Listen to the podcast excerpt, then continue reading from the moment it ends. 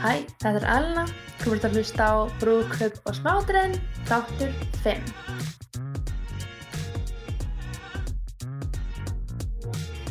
Ég er ekkert smá spennt að hoppa inn í þennan jam-packed dag. Ég vona að þú sér tilbúin með bók til að skrifi og penna því að þú vilt alls ekki missa þessu. Við ætlum sko að fara yfir alla tímalínuna eins og hún leggur sig, hvernig er best að plana brúðköpið sitt, í hvaða röð, hven er best að gera hvað og af hverju. Af því að þú vilt alls ekki lenda í því að kjóllin sem þið dreymdi um eða salurinn sem þið langaði að bóka er bara uppbókaður af því að þú varst bara aðeins og sein. Þess vegna skiptir svo ótrúlega miklu máli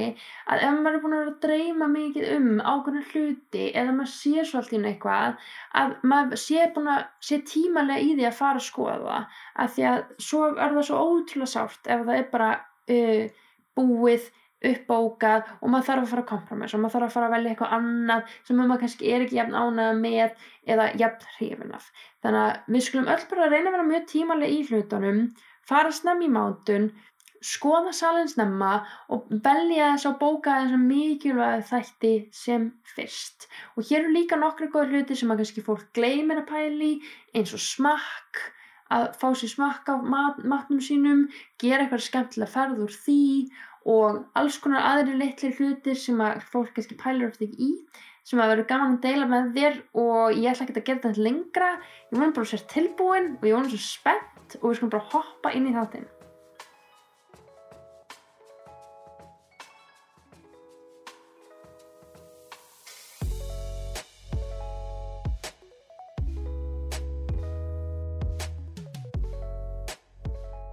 Velkomin, ég vonu sér tilbúin í þetta, um, ég ætla þannig ekki að fara eitthvað ótrúlega djúft inn í hvert einasta þátt uh, af tímalínni og ég veit auðvitað að við erum með mismunandi markmið og ólík brúðkaup og ólíka personleika og þú verður náttúrulega hver tímalína bara mismunandi fyrir hvern og einn. En þetta eru svona hlutir sem að ég held að sé mikilvægt að gera tímanlega og í svona um eitt innan þessa marka, þessa mánuða fyrir brúðkvöldstægin til þess að vera viss um það einmitt, að maður nái að klára hluti, maður ná að panta hluti sem manni finnst skipta máli og maður sé svo ekki vonsveikin þegar kemur á deginum og maður gati ekki,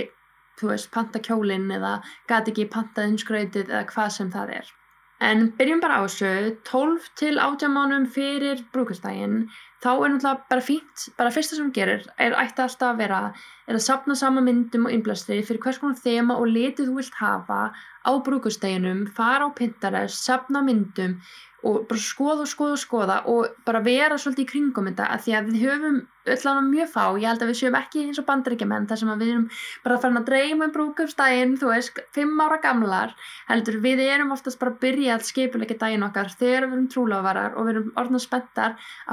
og spekulera í þessum hlutum, þannig að er alveg fínt að vera bara strax í því að spá hvað finnst mér flott, hvað finnst mér ekki flott og byrja þannig áður um að fyrir endilega ákveða strax bara, já ég veit ég ætla að gera þetta, að því að svekkur mann skemmtir svo líka breyst Uh, og maður kannski fyrst byrja bara svolítið að sjá hvað er í bóði, hvað aðrir eru að gera og svo getur maður fann að mynda sér svolítið skoðun á hvað manni finnst flott. Ég skal alveg segja það að myndina sem ég postaði, þú veist, pinnaði á Pinterest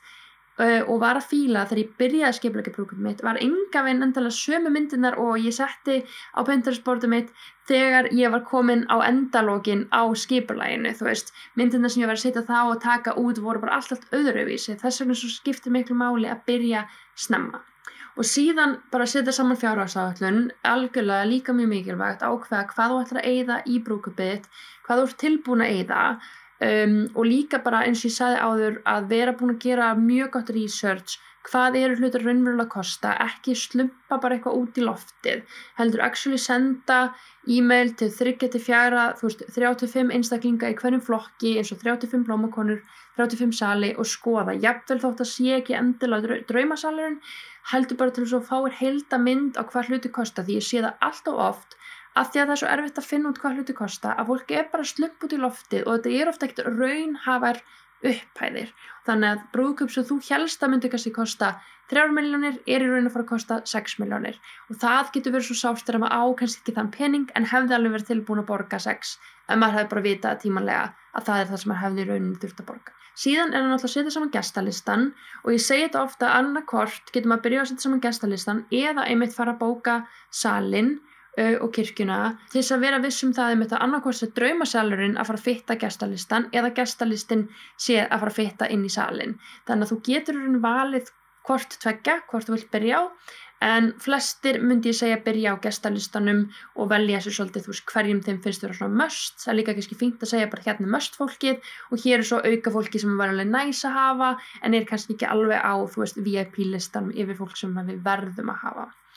og síðan er það með þetta búa til brúðköps törnupóst ég mæla alveg ótrúlega mikið með þessu að vera ekki að hafa all brúðköps tengdu e-mailin. Að því og ég segi þú þarfst að senda frekar mörg e-mail uh, ekki hafa það inn á þínum eigin persóna törnupósti eða vinnu törnupóstunum heldur, gerðu bara sér törnupóst kannski nöfninu eitthvað allt gmail eða eitthvað álíka það kostar ekki neitt. Og þá eru bara allir törnupóstunum þar. Og þið getur þá líka kannski bæði skipsta á svara törnupóstunum þannig að þetta þarf ekki bara að vera á herðum eitthvað eins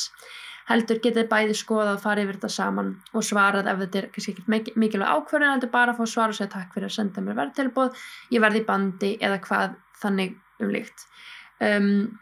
hvað þannig umlíkt, þú veist alveg hvað ég meina. Og síðan sem ekki síst er að festa dagsendinguna uh, þegar erum við náttúrulega búin að bóka salin og kirkjuna að þá getur við náttúrulega fest dagsendinguna og þá veistu nákvæmlega hvenar þeir eru að fara að gifta ykkur sem er ótrúlega spennandi því það er svona dagur manns og þá hefur maður eitthvað líka til að hlaka til. Næst er svo 9-12 mánum fyrir brúkustægin. Þá er að festa niður um eitt brúkustema og liti. Um, þeir eru búin að vera skoða, skoða, skoða og þú eru búin að loksins ákveða að henda kannski út ógæslega ljótumyndunum af Pinterest sem voru ekki lengur að fíla að þá bara niðurnjörfa hvað eru litirnir, þá er mælt með uh, að vera með 3-5 liti uh, og vera með eitthvað þema. Ég segi það ótrúlega oft og ég ætla ekki að hægt að segja það að reyndu að vera með meir en eitt þema, ekki segja bara ég ætla að vera með röstig og allt ætla að vera röstig heldur ef þú fýlar röstig að blanda þig kannski sama með eitthvað mínumalísku þema eins og hvítum tónum eða ef það er mikið heima hjá þér í skandinaviskum stíl að blanda svolítið inn í það þeim stíl. Þannig að það séir raunverulega eitthvað sem endur spekla þig og ykkur og eitthvað samband. Og liti sem að þið actually myndi klæðast eða nota eða eru inn á heimilinu ykkar. Ekki fara að velja eukalyptusgrænan að því að bara þú sér það allir eru að gera það eða það er eitthvað sem er í tísku núna. Þó það getur alveg gaman að fylgja trendum. Algjörlega hafðu það þá með. Hafðu þá samt eitthvað meira sem að þú veist að er raunverulega í þínum hjartastað um, sem partur af þemaðinu. Síðan er það að bóka brúðköpskort á fyrirtæki og það er ótrúlega sniðut að senda og taktu daginn frákort alveg 12 mánum áður sérstaklega ef að þú ert að fara að gifta þig á hátíðadegi eða yfir sumatíman. Uh, eins og við veitum, við erum all uh, að bóka okkur eitthvað að ferja til útlanda að sumri til þannig að þú vilt alls ekki missa af að muni sem er búin að bóka að ferja til Flórida eða eitthvað álíka það árið hún gæti alveg eins fresta því ef hún hefði bara vitað að þú væri að fara að gifta þig. Þannig að endilega sendu út taktu daginn frá kortin snemma. Ef það er ekki hátíða degi þá er mitt nýju mánum áður alveg fínt Uh, síðan þarf þetta bóka ljósmyndara og myndbandsupptöku. Endilega gerur það líka snemma að því að mitt uh, ljósmyndarinn er með mjög ólíka stíla og kannski ertu búin að fylgjast með einhverjum ákvönum sem vart að fíla og langa mjög mikið að sé á deginu þínum að þá endilega bóka hann tímalega því að það er ekkert mikilvægra en að vera með góðan ljósmyndara á brúkusteinum sínum því það er það sem mun raunverulega lifa eftir. En minningarnar munu hverfa smátt og smátt og allt dótið sem hún kiftir mun fari röstlið þannig að endilega fáðu þið ljósmyndara til þess að mynda fallega daginn þinn þannig að hafið eitthvað í höndunum eftir daginn til að minnast, til að horfa á sína batnaböndunum og vera verðmætt, verðmætt minning í förstu formi. Síðan er gott að bóka söngvara, plötusnúð og visslustjóra gera það líka bara tímanlega þannig að það er búið enda segja alltaf að það er mjög mikilvægt að vera bara með búið sem flest. Þú vilt ekki þurfa að hafa eitthvað mikilvæg hluti sem þú eftir að bóka eða klára mánuði fyrir daginn. Það er bara tíminn til þess að um, rauninni klára af það sem á eftir að gera og svo er fullt af hlutum sem kannski koma upp á og þá þarf maður að díla við það og slökka þá elda mánuðin fyrir daginn sinn. Það er það sem mánur, sá mánuður fyrir. Næst er svo að bóka uh, veislu þjónustu og setja saman matseðil. Uh, ef að maturinn er ekki innifalinn í salnum að þá er góðu tími til að gera þetta núna. Um, eða þá líka bara að staðfesta hvað þú vilt fá í matinn. Um,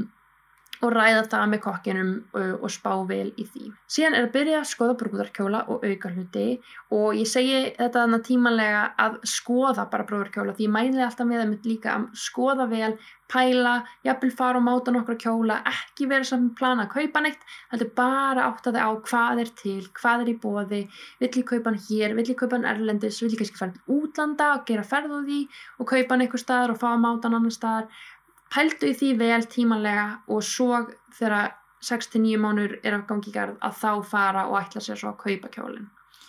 Síðan að byrja hérna, að plana ferðamót á millistada og ákveða hvernig þú vilt komast millir kirkju og sals, þarf þetta að bóka bíl, þarf þetta að bóka bíl fyrir gestina ef þetta eru á landi, pæla líka vel í þessum smá atriðum sem oft gleymast. 6-9 mánu fyrir daginn, þá er nöðsynlegt að skoða pappira til að tilkynna hjónavegsluna, maður þarf að fara til síslumanns og maður þarf að fara, ég heldur getur farið inn á netið, um, inn á þína síður og uh, sótt eftir hjúskaparstöðu vottorði og önnur vottor sem þú þarfst að hafa til þess að koma svo með og vera með uh, til þess að sanna að þú sért ekki nú þegar ekki. Uh, svo er gott að bóka blómaskreiti og, og ræða við þá hvað þín hugmynd er, hvað þið langar í, fá að heyra líka hvaða blóm er inn í season, hvaða blóm er hægt að panta og búa til í rauninu bara, þú veist, ímynd þína, þú veist, þinn draum í blómaskreitingum með blómaskreitunum uh, á þessum tíma því það tekur líka tíma að ræða fram og tilbaka og spá spekulera og maður gleymur því líka bara ofta. Maður hefur ekkert endar svona tíma til þess að fara að svara tölvupóstum, maður er kannski bara að svara tölvupóstum einu sní viku og tíminn liður hratt, þannig að það er alltaf gott að vera tímanlega og ég veit að ég er búin að segja það svona fimm sinum at this point en hérna það er name of the game, verðu tímanlega Um, og svo einmitt 69 mánuðin fyrir þá farðu og kaupir brúður kjólinn og allt tilhærindi öll smáadröðin, viltur um kórunu, slör skó og allt þar á milli. Skoða það bara sama tíma þannig að allt passir saman. Uh, einnig líka bara ef þú þarfst að panta eitthvað utan af þessum hlutum þá er gott að vera búin að gera það. Og eins og ég hef nefnt áður þá þarf líklega að kaupa brúðarkjóliðin sem sér pantana utan þótt að þetta sé brúðarkjóla vestlun hérna heima eða kannski ákveður að láta sé söman fyrir því og tekur það tíma þannig að verðtu tímalegi því. Svo er gott að bóka pröfu fyrir háraförðun og finna þann sem þú ætlar að láta sjá um háraförðun fyrir þig um, þannig að þú getur séð líka bara þau getur séð hvernig hárið þetta er, hvernig þú vilt hafa það og þú getur komið feedback því það er ekkert verður með þetta að reyna að gera þetta bara tímanlega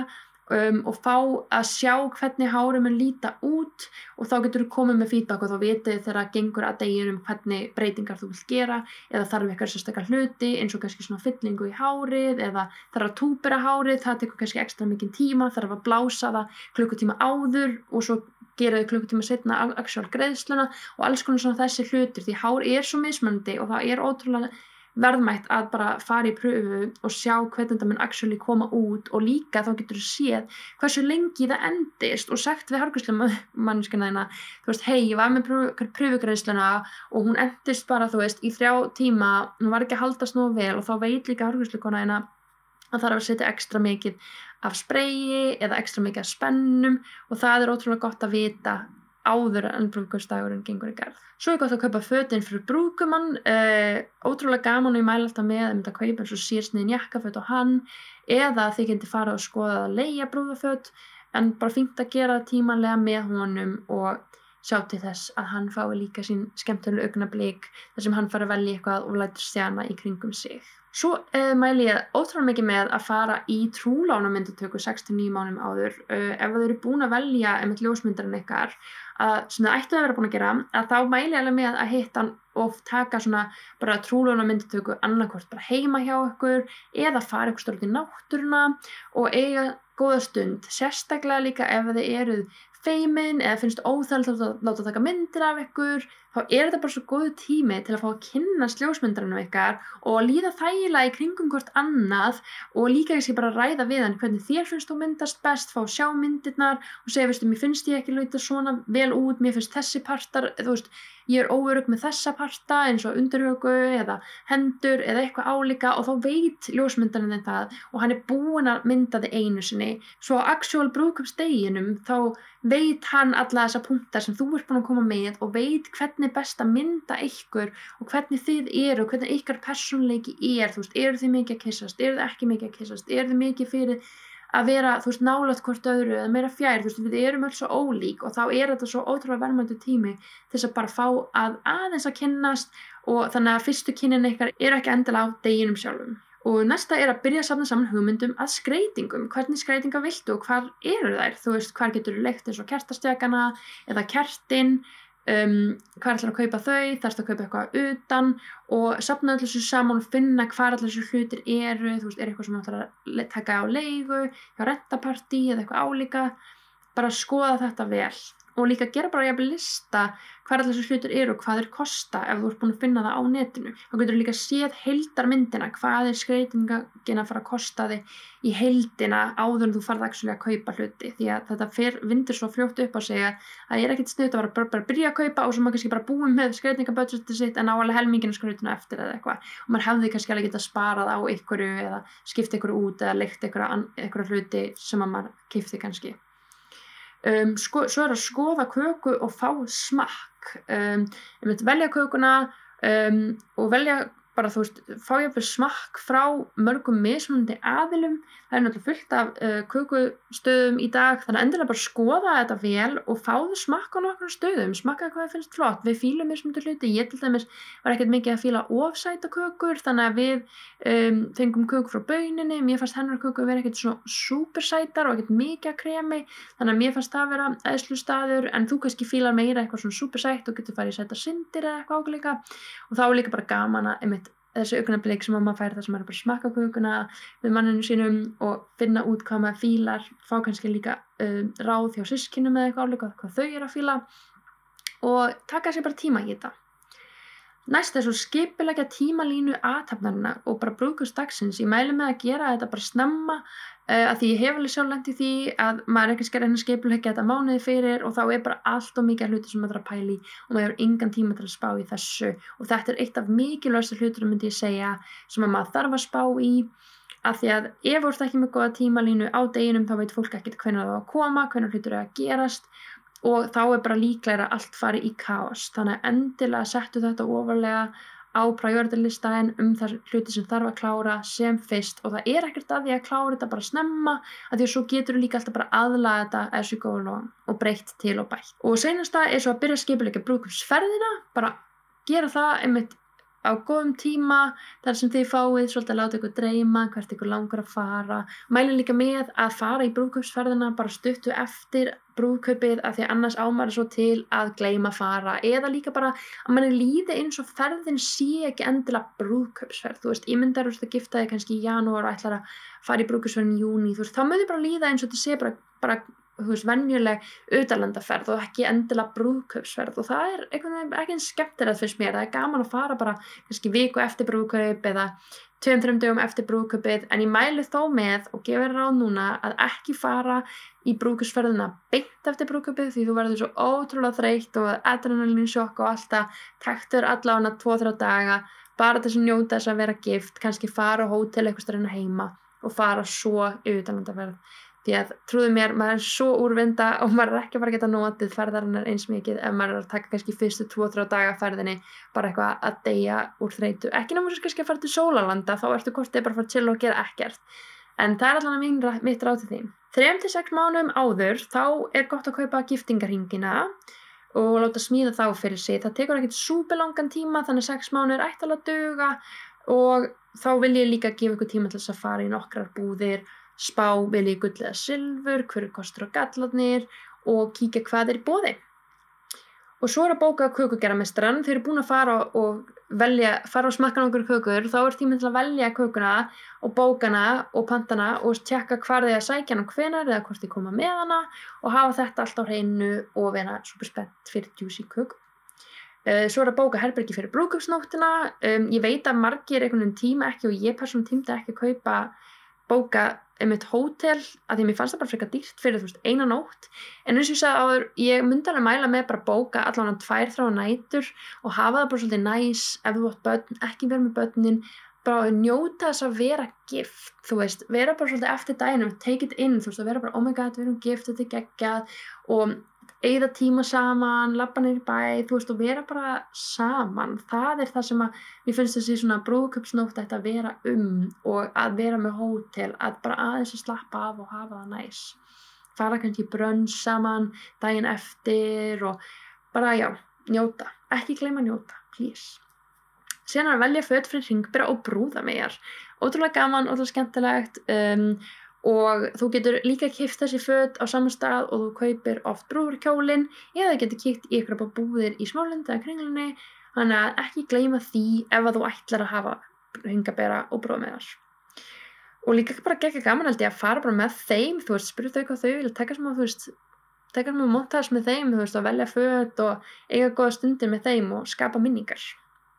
Svo kannski setja svona gafalista, um, getur náttúrulega bara byggðum pening, ég ger það og fá pening bara upp í brúðköpsferðina eða ég mæla lóttur mikið með að nota eitthvað eins og já.is, þeir eru með geggja vöruleit sem fáir vita af en þeir eru bara með þú veist fullt af vestlunum eins og Elko, byggt og búið en líka líf og list og dúka og þú veist allar flottu búina með stellunum en líka þú veist eitthvað ráftæki og svona þannig að það er ótrúlega sniðustæður og þeir deila það bara hlekk. Ég sá líka kringlanir komið með gafalista þannig að það er líka góð staður. Því þá ertu kannski ekki bara með eina búð eða þrjár búður sem þú þurft að gera alveg sér gafalista fyrir heldur ertu bara með eitt stóran gafalista sem inni heldur bara fullt af búðum og fullt af vörum frá mismundu vestlunum og síðan er það að senda út bóðskortin alls ekki gleyma því mæla ótrúlega mikið með, það er 3-6 mánum fyrir í það minsta þrjá að því að þú þarft að fá svar frá fólki mánuð fyrir brúkastæðin til þess að staðfesta í rauninni matinn og staðfesta líka fjöldan þannig að þú vitir hversu margir er að fara að sitja við borðin. Þannig að blómakonaðin sé ekki að panta of mikið af blóm þannig segjum og ætlaðir kannski að vera með þú veist, ef ímyndar 100 manna veist þá þarfst að vera með kannski 10 borð. En ef það eru kannski bara 70 manns að fara að mæta þarfst að kannski bara vera með 7 borð. Þá getur þú sparað þér á skreitingum á mat. Því auðvitað kostar það alltaf meira því meira fólki sem þú ert að fara að vera með. Þannig að myndi það bara að gera þetta tímanlega og láta fólk bara svara þér tímanlega því þú þarfst alltaf að fara að eldast við einhverja, ég loði þér því. Síðan er að panta brúðköpsferðina, ekki síður en um 6 mónum fyrr, auðvitað viljum við alltaf vera tímanlega, alltaf gott að panta hana fyrr en þetta er einmitt svona, allt sem er í þessu lista er í rauninni, þú veist, ekki gera það síður en þannan tíma, þú veist, þetta er svona last, last call, þú veist, ekki gera það setna en þannan tíma. Um, og svo er það að kaupa gestabók og aðra litla muni og skrautitt og allt það um, vera vissum á sér komin með alla smáhlutina fínt að vera bara búin að gera tjekklista hvað er það sem ég finnst vanta og kaupa þá allar hlutinu sem þú erst búin að skrifa nýður og svo er það að panta myndakasta og annað skemmtefni það ætlar að vera með eins og fótabúð eða eitthvað álíka að fara og ganga frá öllu, öllu þessu máli. Þau oft koma með eins og myndakastan til þín þannig að það sé allt frá gengi. Og svo er það 0-3 mánuðum áður. Þá er bara komið að því þú veist það er bara alveg að fara að koma að þessu það er kannski 3 mánuður í daginn þá er gott að fara með kjólinn til klæðskera um, og láta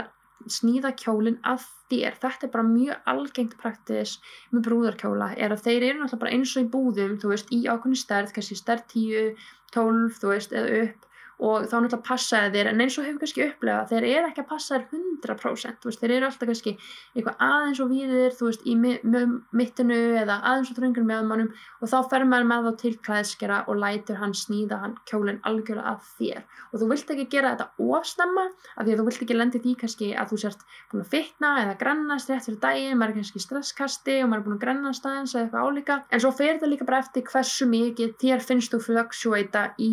þyngd. Ef þú ert típan sem er mjög mikið að veist missa kíló eða bætaðu kíló þá er alveg fínt að gera þetta bara rétt áður eins og mánuði fyrir. En líka bara spurja staðin sem þú ert að fara að láta sauman að þér, þú veist hvað er byggtíminn mikill? Því það er náttúrulega mismikið að gera hjá fólki. Og þá er bara fínt að vita þetta hvað er svona last call hjá þeim. Því það er bara breytileg. En síðan þarfst að staðfesta lagaleista með plötusnúð eða tónlistamanni og öllum svona tónlistafólki sem kemur að deginum. Hvaða lag ætlar að hafa sem ingöngulag, útgöngulag í kirkjunni? Hvaða lag ætlar að hafa þegar þau komið inn í salin eða hvað er svona eitthvað möst lög á deginum, þú veist, eru þau með eitthvað, eitthvað uppáðslög sem verður bara að hafa á playlistanum að ganga frá allir þessu og síðan að setja saman sætaskipan fyrir vissluna. Ég mæli alltaf með þessu að því að það getur alveg myndast ákveðin óreiða ef fólk er að velja sætin sin sjálf eða auðsæti eða eitthvað eitt sem endar að setja með einhverjum þú veist sem hann langar ekki að setja með þannig að þú veist ef að þér langarlega fólki að setja við hliðina á einhverju ákveðin þá getur þú líka bara spurt um, til dæmis í, á vefsíðunni ef þú til dæmis ert með brúkus vefsíðu sem ég mæla alveg með að gera og ég mæli þá með að gera það á sveipum tíma og þú ert að setja saman bóðskortiðinn að spurja fólk bara veist það sem er geggja við vefsíðum mitt er að þú getur bara spurt fólk hvað sem þú vilt og getur með endal svona spurningar þú veist hvað þau vilja fá sér að borða hvaða þú veist er óskalægið þeirra eru þau með ofnum fyrir ykkur en þú getur líka spurt, ertu með ósk um, um að setja við hliðin á einhverjum ákunnum eða er eitthvað sérstökur sem þau langar ekki að setja við hliðin á? Þá getur kannski komið upp einhver ákunnum drama. En það er bara ótrúlega gott að vita þessa hluti og þess vegna er vefsíða svo ótrúlega mikilvæg og sniðug. En endilega settu samansætaskipan hvort sem þú gerir það með fólkið um, skoðanir fólks til sjóna með þar eða þína eigin hugmyndir um hvað þú heldur að geta verið fólk sem að myndi fíla sér við hljóðan hvort öðru eins og ég sagði til dæmis fólk sem að ég vissi að vann saman og hefði þá eitthvað sammeilegt saman og svo fjölskyldar að mína saman og áleika og líka kannski að setja saman fólk sem að er á svipum aldri þótt að kannski þekkist endilega ekki að þá vistu að þú veist að vinun þinn er ekki fræðar fastur við hljóðan og ömmuðinni eða eitthvað áleika þannig að endilega gerð þetta Uh, svo er gott að funda með ljósmyndra og fara yfir síðina og mikilvæg hluti. Um, eins og hluti sem þér finnst skipta máli þú veist, finnst þér fjölskyldumyndir skipta meira máli heldur en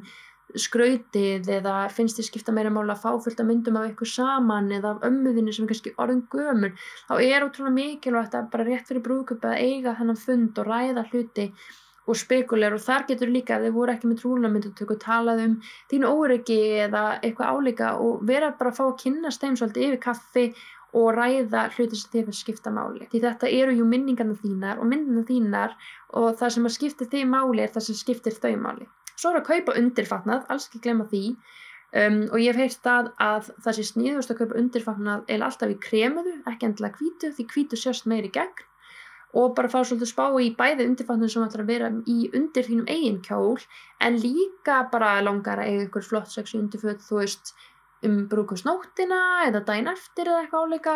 bara endilega spá í því líka. Uh, svo er að kaupa morgungjöf ef þið langar að gera það langar að gefa mannuðinum eitthvað gjöf að modni til þegar það er vaknið eða mér finnst líka ótrúst nefnt að gefa gjöf bara Um, áður en brúkupi er eins og ég gaf manninu mínum ótrúlega fallet vasa úr sem ég let uh, skreifa í um, bara fyrir brúkupið að því mér fannst ótrúlega gaman að hefði ykkur að gjöf frá mér sem að geta verið með á brúkupsteginum uh, það er alltaf snið hugmynd ef ég langar að gera það og síðan að fara í smakk. Endilega smakkaði matinn sem þú ætlar að bóka fyrir brúkupið þá er ótrúlega sniðut að gera ekki of snemma að því að stundum eh, er sérst ákveð mat bara in season og maturinn er kannski fara að bræðast öðruvísi ef þú smakkar hann of snemma. En það er líka bara sniðut að tala við mannskjörn sem er að fara að sjá matinn hvernig þau mæla með að fara í smakk því þetta er náttúrulega mismunandi. En endilega nýttu það því það er oft bara innifælin í verðinu þegar þú um, færð ert að bóka matinn og þeim finnst náttúrulega ekkit samsælun og fáir að koma og kynast þeim og smakka matinn og ef það er eitthvað við matinn sem þú fílar ekki, finnst það að vera á saltaður vantar sósu, vera á þurr þá er alveg hóttulega sniðt náttúrulega að gera þetta bara áður en er þannig að það ert ekki vonsvikinn því þetta er nú bara maturinn sem er að fara að vera veist, á brúðköpuninu stæðsta deginum og ég mælu líka alveg með að taka eitthvað þriðja aðla með eins og bróður eða sýstir eða mömmu og pappa til þess að fá líka bara second opinion frá fólki sem er kannski ekki alveg með sama smekk og þið því þið eru alltaf búin að vera saman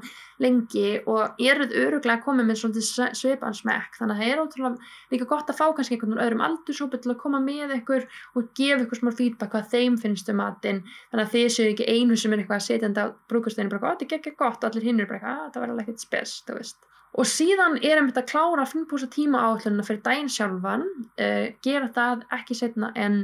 þú veist, á mánuðinum bara vera vissum að það sé bara tipp-topp og senda svo þessa tímanlínu á alla sem er að fara að sjá um hluta á deginum hvort sem það eru fóröldreinir eða ykkur þjónustadalar eins og kokkurinn, manneskinn sem er frá komiskrautið eða fótabúðin. Það er líka bara fint að senda þeim þessa tímalínu þannig að þau vita hvernig þau eru að fara að koma fótabúðin en líka hvar þú ert og hvað er að fara að gerast næst. Síðan er gott að fara yfir gátlistan fyrir daginn sjálfan. Hvað uh, þarf að gerast, hver þarf að gera hvað hvað þú þarf að taka með þér og allt hitt inn á milli, þannig að það sé bara mjög skýr. Og svo uh, að tala við alla sem munum koma og hjálpa þér á deginum sjálfum og líka fá símanumlu þina þannig að ef eitthvað kemur upp á ef að þau komast ekki eða lendir í slisi þú veist maður bara vonar það besta en það getur allt komið upp að þú sért með símanúmerinn hjá öllum og getur náði alla og þau geta náði þig ef að þau veit ekki eitthvað eða eitthvað tínist eða eitthvað álíka. Og líka bara um þetta þau viti nákvæmlega sér skýrt. Hver er að fara að sjá um hvað, hver þarf að mæta hvenar þannig að ekkert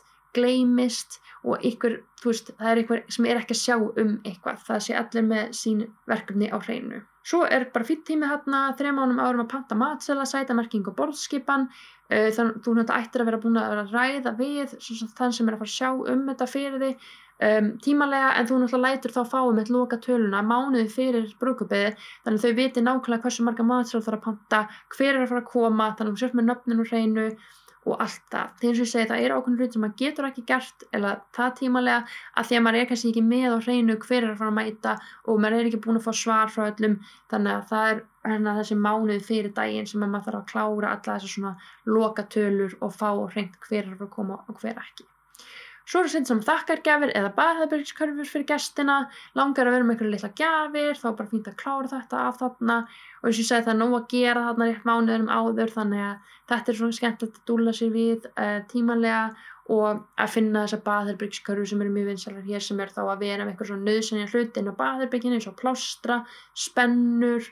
og bara ef eitthvað kemur upp á þú veist asíntón eða er þetta er með eitthvað lítinn blettarhinsi eða eitthvað álíka ég veit að það er mjög algengt að setja eins og sveitalektareiði fólk að dansa þú veist yfir nóttuna til rauðandauða að fólk sé ekki sveitt á dansskólunu eh, þannig að bara endilega gerðu þetta þarna og talaðu svo við fólkdreina til að vera vissum að þau viti hverju þau ætla að vera í. Þú veist eru þau að pæla um að vera í ykkur sem eru í innan þemans eða, eða þurfa kannski eitthvað hjálp eða vilja fá álut frá þér því þetta er þinn dagur að bara ræða við þau, hjálpa þeim og auðvitað fer það náttúrulega bara eftir fóröldrum hvernig þessi samskipti eru. Og hafa svo samband við þá sem ekki hafa svara búðinu þú þarfst að gera það einmitt mánuði fyrir vera við sem að fá svar frá öllum ringi alla og heyra hvort ætla að koma eða ekki, já það er alltaf ykkur sem gleima sér, þú veist er nóg að gera hjá fólki þú þarfst alltaf potið að ringi ykkur Og núna er ein vika til stefnu og þá ætlum við að staðfesta gestafjöldan til allir seljenda og fara yfir allt með vistustjórunum. Við vissum að hann viti nákvæmlega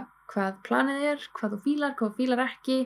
og já, og hvort þú viljir að hann komið er eitthvað óvart, það er oft algeng spurning um, hvort þú viljir slideshow eða ekki. Vera mjög skýr við alla það er nummer 1, 2, 3 síðan mæli ég alltaf með að ganga skóna þína til að vera búin að lappa í þeim svolítið heima hjá þér og kannski jæfnvel úti fyrir eftir hvernig skóð þú ert í. Þannig að þú sért ekki fara að fá hælsari á deginum ef þú ert með glænýja skó, bara alls ekki gera það. Það er mjög algengt að það gleymist en verðstu þetta líka með hælstöðsplástur til öryggis, en myndu bara ganga aðeins til. Og síðan er gott að æfa aðtöfnuna, ég mæla alltaf með að gera það deginum áður og þá bara hitta prestin og taka fóreldra sína með og alla sem munu koma að aðtöfnunni að þú ert að fara með blómastelpu og ringbera að vera vissum að þau viti hvernig það fer fram fyrir sig þannig að það er líka minna stress fyrir allt fólki þannig að þau bara, þau hafa kannski aldrei gert þetta áður eða hafa kannski aldrei verið í brúðkaupi þannig að gott að fara yfir þetta með þeim. Síðan er mjög algengt að maður þarf að borga um seljetum fyrir uh, brúðkaupi sjálf, sömur vilja fá greitt eftir eða viku eftir en það er líka bara fínt að klára þetta af það sem hún getur klárað af en það sem er algengt að maður get ekki klárað er eins og salurinn og áfengið því að þau þá kannski breytir svo upphæði ef að fólk er að neyta meira áfengis heldur hún gera ráð fyrir eða þú getur bætt við eftir á að þá um, getur bæst eitthvað við það. En annars líka mæli ég bara með að reyna að klára sem mest af því að þú vilt ekki þurfa að vera að pæla í þessu kannski brúðköpsverðinni eitthvað hugsundi og þú veist sétt ég glemt að borga þessu með að fólk eitthvað að reyna að bjalla í það bara hei þú glemtir að borga mér og þú ert bara að reyna að slappa af og njóta. Það er ótrúlega leðilegt og svo er bara aðeimitt bara rétt áður að fara yfir skipulaði möðlun sem er hjálpa til uh, og pakka fyrir brúkupsferðina um, auðvitað ekki gleyma því að pakka fyrir brúkupsferðina því aftur þú vilt ekki þurfa að vera í paniki kannski eftir brúkupið að vera að reyna að pakka um fötunum og vera vissum að þú sért með allt á hreinu og allt í tilbúið fyrir ferðina, sérstaklega til að fara náttúrulega bara stuttu eftir. Og svo mæli ég alltaf með að fara náttúrulega í handsnýrtingu og fótsnýrtingu ef þið langar að gera það og gera það ekki ofstamma því að ef þú ert svo að fara eðalegir negluna rétt áður það er ótrúlega leiðilegt þannig að það er alveg fínt að gera það kannski bara nokkrum dögum áður en þú þarf líka bara að meta það hversu mikil snýrtipinni þú ert. Ég brít alltaf alla neglur á mér. Ég get ekki verið með svona en þú, maður naglalagn alltaf tippa líka þannig að maður vill ekki vera að fara of seint. Og þetta er líka bara frábært ekki til að fara kannski með vinkonunum í, í snýrtingu og gera smá dag úr því fara kannski brönns eða eitthvað og bara njóta eftir sköpu minningar. Og svo pakka saman öllum hlut sem þú mert fyrir daginn sjálfan eins og við vorum að tala um plástra, hælsærisplástra, nælur, saumadót, hárspray og allt þetta svona aukadót, ekki gleyma að pakka líka smáhlutunum eins og eirnalokkunum og öllu því og vera með það allt á einum stað og veist hvað þú átt að ná í það því þetta dagurinn líður svo rætt og þetta er svo mikil ringulreið að það er bara fínt að hafa þetta allt mjög skipulagt og velmert þannig að þú veist hvað þetta allt er og hvað þú átt að ná í þetta. Sviðast en ekki síst er að staðfesta mætingatíma til alltaf söglaðala, hvenar þau að mæta, hvað þau að mæta, hvað þau að afferma hluti, þannig að aftur enginn týnist og þú þurfur að fá sem fæst símtöl á deginum að því að fólk veit ekki hvað það á að gera eða hvað eitthvað er. Hafið allt velmert, hafið allt vel skipulagt og vera viss um að vera mjög skýr við alla það er sem ég mæli alltaf með. Og það seinasta sem ég segja er bara ekki gleyma að njóta að muna að taka inn hvert einast augnablík og vera á staðinum, vera í núinu bara vera eins og segja vel skipulag áður þannig þurfir ekki að vera skipulegja neitt á deginum sjálfum. Það á alltaf að vera markmiðið að þú getur farið inn í daginn og þú veist að fólk mun sjá um þetta fyrir þig en að þú getur bara verið brúðurinn þú getur bara fengið að njóta og þú getur bara fengið að halda upp á daginn þinn en ekki halda áfram að skipulegja þig. Það er það sem ég lendi svolítið í og mér finnst það ótrúlega leiðilt og setur leiðilegan svip á allan daginn af því að maður þurft að vera skipulegja á deginum maður fjekk ekki að njóta en ég vona að þessi ráð hafa bara hjálpa þér. Um, ef þú ert með einhver spurningar eða langar að spjalla mynda bara endilega hitt, þú veist, sendu mér DM á Instagram á att og smáadrin ég er alltaf þar inná til að hjálpa, til að gefa ráð og ég bara gangið súpi vel með þetta. Og eins og ég sagði, mynda að vera skipulega áður svo þurfur ekki að vera skipulega þegar þú ætla að gifta þig. Sjáumst í næsta þætti og mér hlaka til að heyra í þér næst